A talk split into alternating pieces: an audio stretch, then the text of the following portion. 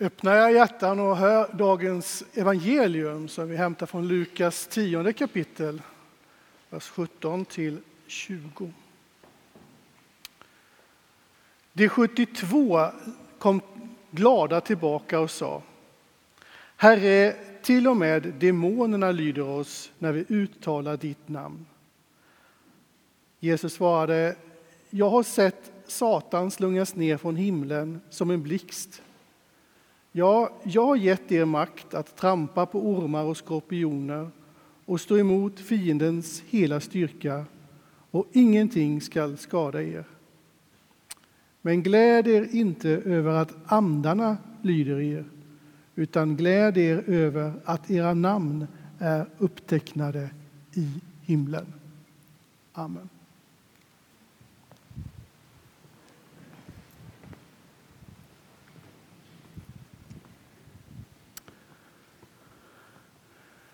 Jag tycker att det är en liten rolig berättelse det här när de 72 lärjungarna kommer tillbaka efter att Jesus har sänt ut dem i en liten eh, evangelisationsövning där. Det är nästan som man kan tänka sig liksom Piff och Puff på julafton, där de ska förklara det där som hände i, i, i hönsgården. Liksom, de är så ivriga. Och det måste vara för lärjungarna en helt överväldigande upplevelse. Att det som de trodde att bara Jesus hade makt att göra, det hade de i Jesu namn makt att utföra. Och till och med andarna och till och med demonerna lydde lärjungarna. Och det var lite frestande där i ett ögonblick för lärjungarna att springa iväg i någon slags andlig ivrighet. Men Jesus för tillbaka lärjungarna till rätt fokus och vill hjälpa dem att hålla rätt perspektiv i tillvaron. Och så kan det vara för oss också. då. Jag återkommer till detta lite senare i predikan, men vi håller kvar den här tråden om andlig ivrighet. Och jag så lägger en knut här och ett knoprep där så jag inte tappar bort den tråden där som en liten hjälp. Idag så är det änglarnas dag. Och det är intressant det här med änglar. För det verkar ha en ganska stor acceptans i vårt samhälle. Änglar är andligt, det är gulligt och det är vackert. Och I vardagligt tal så säger vi att vi har änglavakt eller så säger vi du är en ängel. Och Jag tror att det där är någonting mer än bara ett uttryck. Det är på något sätt ett, ett legitimt sätt att säga att det finns någonting mer än bara det som vi kan se och ta på. Det finns någonting mer som, som vakar och beskyddar oss. Änglarna ses som någonting mer än bara några slags sagofigurer. Utan det verkar vara accepterat att det är kopplat till någon form av något andligt. Och vi kan läsa om och höra berättelser om människor som på ett eller annat sätt gjort andliga upplevelser i möte med änglarna. Kanske du har gjort det, eller kanske du känner någon som kan berätta om det. I Bibeln så, så talas det mycket om änglar. Och om du skulle riva ut alla sidor i din bibel som handlar om änglar så skulle den bli betydligt tunnare och det var många viktiga berättelser som skulle saknas i din bibel. Exempelvis Jesu födelse och Jesu uppståndelse. För i frälsningshistoriens stora ögonblick har änglarna dykt upp som en budbärare mellan Gud och människa. Men det finns också i Bibeln ett ganska komplicerat system med ärkeänglar, keruber och serafer. Och Satan själv med sina demoner är också en del av det här andliga mellanregistret mellan Gud och människan. Och den här lite mer komplicerade bibliska bilden är nog ganska långt ifrån den folkliga och lite gulliga bilden av, av änglar. I en varm och god väckelsemiljö som kyrkan är en del av så finns också ibland en liten dubbelhet av det här med änglar. I hemmen finns ibland bilder av skyddsänglar eller små änglafigurer. Och vi såg det på barnens stund här i början, precis detta. Samtidigt betonas den personliga relationen med Jesus, Guds son, som väldigt självklar. Så något andligt mellanregister med vare sig änglar eller helgon behövs ju egentligen inte. Kanske handlar det här till viss del om, om, eh, om Guds gudsbild. När Gud blir helig och hög och otillgänglig kan det bli nödvändigt att mer betona det här andliga mellanregistret och att änglarna finns där med en smak av himmel. Både för att beskydda oss och att vara Guds sändebud. Budskapet om änglarna bär i dagens samhälle en, en dubbelhet. Och det gäller både innanför och utanför kyrkans väggar. Jag tror de flesta av er, nu får du visa den här bilden, om det syns.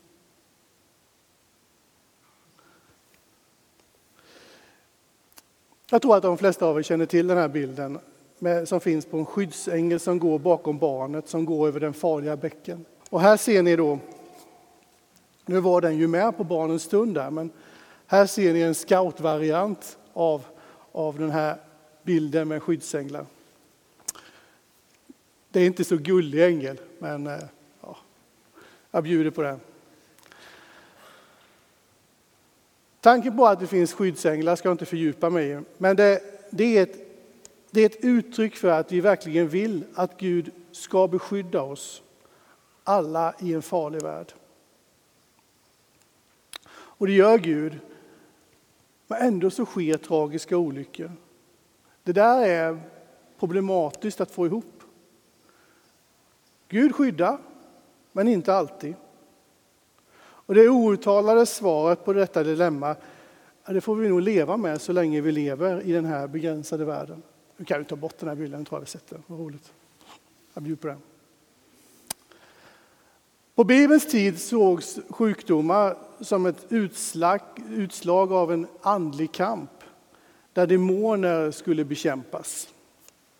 Idag kanske vi inte ser det så direkt, men likväl så har vi en kamp mot eh, ondskan att hantera. Och ibland så känns den kampen så hopplös. Vi ockuperas i vår värld av så mycket ondska och så mycket djävulskap. Och hur ska vi göra i denna kamp mot ondskan och det destruktiva?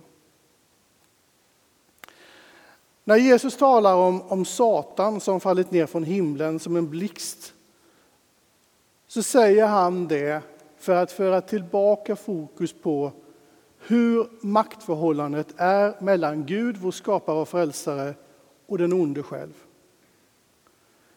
Den onde själv, i Bibeln beskriven som, som Satan, är en fallen ängel och därmed en del av det skapade. Det här är en viktig poäng.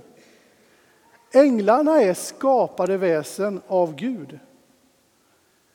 Änglarna är av Gud skapade himmelska väsen och inga minigudar som vi ska tillbe. Det är bara Gud som är Gud.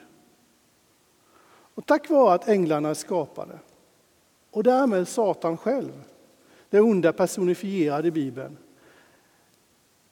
är också det är en del av det skapade. Så det onda har ingen kraft i sig själv att skapa. Utan det onda kan bara förgöra och förstöra. Och jag vill inte med detta förringa ondskans destruktiva möjligheter. Men vi ska ha rätt perspektiv. Det är viktigt. Inget mörker i världen kan utsläcka ljuset från ett litet ljus, det vet vi. Och på påskdagens morgon när, när, graven, när graven var tom så markerade Jesus en gång för alla hur förhållandet mellan det skapade och det destruktiva förhåll, förhåller sig till varandra. Döden blev besegrad, liksom som ett kvitto på att Jesus Kristus i tidens slut ska upprätta skapelsen. Det här det är hoppets perspektiv vi behöver påminna varandra om i vår egen livskamp. När vi kämpar mot allt destruktivt, mot allt nedbrytande som kan, kan drabbas oss. Och jag hoppas, alltså du som kanske just nu sitter här och kämpar just nu i kamp med mörkret, att du kan ta till dig ändå av detta hoppets perspektiv.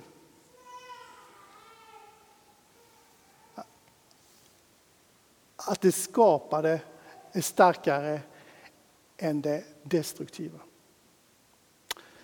Ja, just det var det här med knoprepet, ja. Just det, det här. Det, det, det la jag där för att vi ska hela tiden komma ihåg att påminna oss om Guds nåd. Det var den tråden jag ville plocka upp. Guds nåd. För det är väldigt lätt att förirra sig i andlig ivrighet. Vi blir upptagna av vår egen andliga verksamhet. Och lärjungarna tyckte det var fantastiskt att de hade makten att driva ut demoner. Men makten var inte deras makt, utan det var i Jesu namn de hade makten över demonerna. Och när vi idag får uppleva under och tecken så beror inte det på vad vi gör eller vad vi tror eller hur vi beter oss. Utan det är tack vare Jesus som undren sker. Det är en del av det här återupprättandet av skapelsen. Jesus säger att vi ska glädjas över att våra namn är skrivna i himlen. Och Det är i det som vi ska ha vår grundtrygghet. Det är väldigt lätt att eh, ta andliga vinningar, exempelvis bönesvar och andra existentiella och andliga upplevelser som ett kvitto på tryggheten i Gud. Guds nåd beror inte på vår egen prestation. Och Jesus är ganska tuff mot lärjungarna i dagens evangelietext för att liksom återigen föra tillbaka blicken på Guds nåd. Vi tillhör Gud. Våra namn är skrivna i himlen. Och det är, det är ut, utgångspunkten i vår tro och i vårt liv med Gud. Det finns idag ett, ett stort andligt intresse idag med öppenhet bland annat mot, mot änglatro. Och du kan som kristen och som församling och kyrka tycker jag att vi ska gå in i den andliga öppenheten som finns i samhället. Människor gör andliga upplevelser långt utanför kyrkans väggar. Det finns ingen anledning att börja ifrågasätta det, utan respektera människors upplevelser. Gud är större. Men jag tror ändå att för egen del kan det vara bra att på den stora andliga marknaden som finns i samhället vara lite cool och inte förivra sig. Det är så lätt att fastna i en eh, andlig hobbyverksamhet där den egna handlingen och den egna upplevelsen hamnar i fokus. Jesus tillrättavisar lärjungarna ganska skarpt och korrigerar deras fokus till att glädjas över nåden och att över deras namn är skrivna i himlen. Att de är Guds barn. Och jag tror att vi får hjälpas åt i församlingen att försöka hålla den här andliga kompassriktningen klar och tydlig. Allt beror på vad Jesus har gjort för oss. Och det är en nåd att vi får vara Guds barn. Och det är ett budskap som alla behöver höra. Det gäller ju både dem som gör andliga upplevelser långt utanför kyrkans väggar och de som inte på något sätt överhuvudtaget har någon tanke på att det finns en Gud eller något annat existentiellt väsen utanför oss själva. Budskapen om Guds nåd är lika viktig för alla människor. Guds nåd räcker till alla och långt utanför kyrkans väggar. Amen.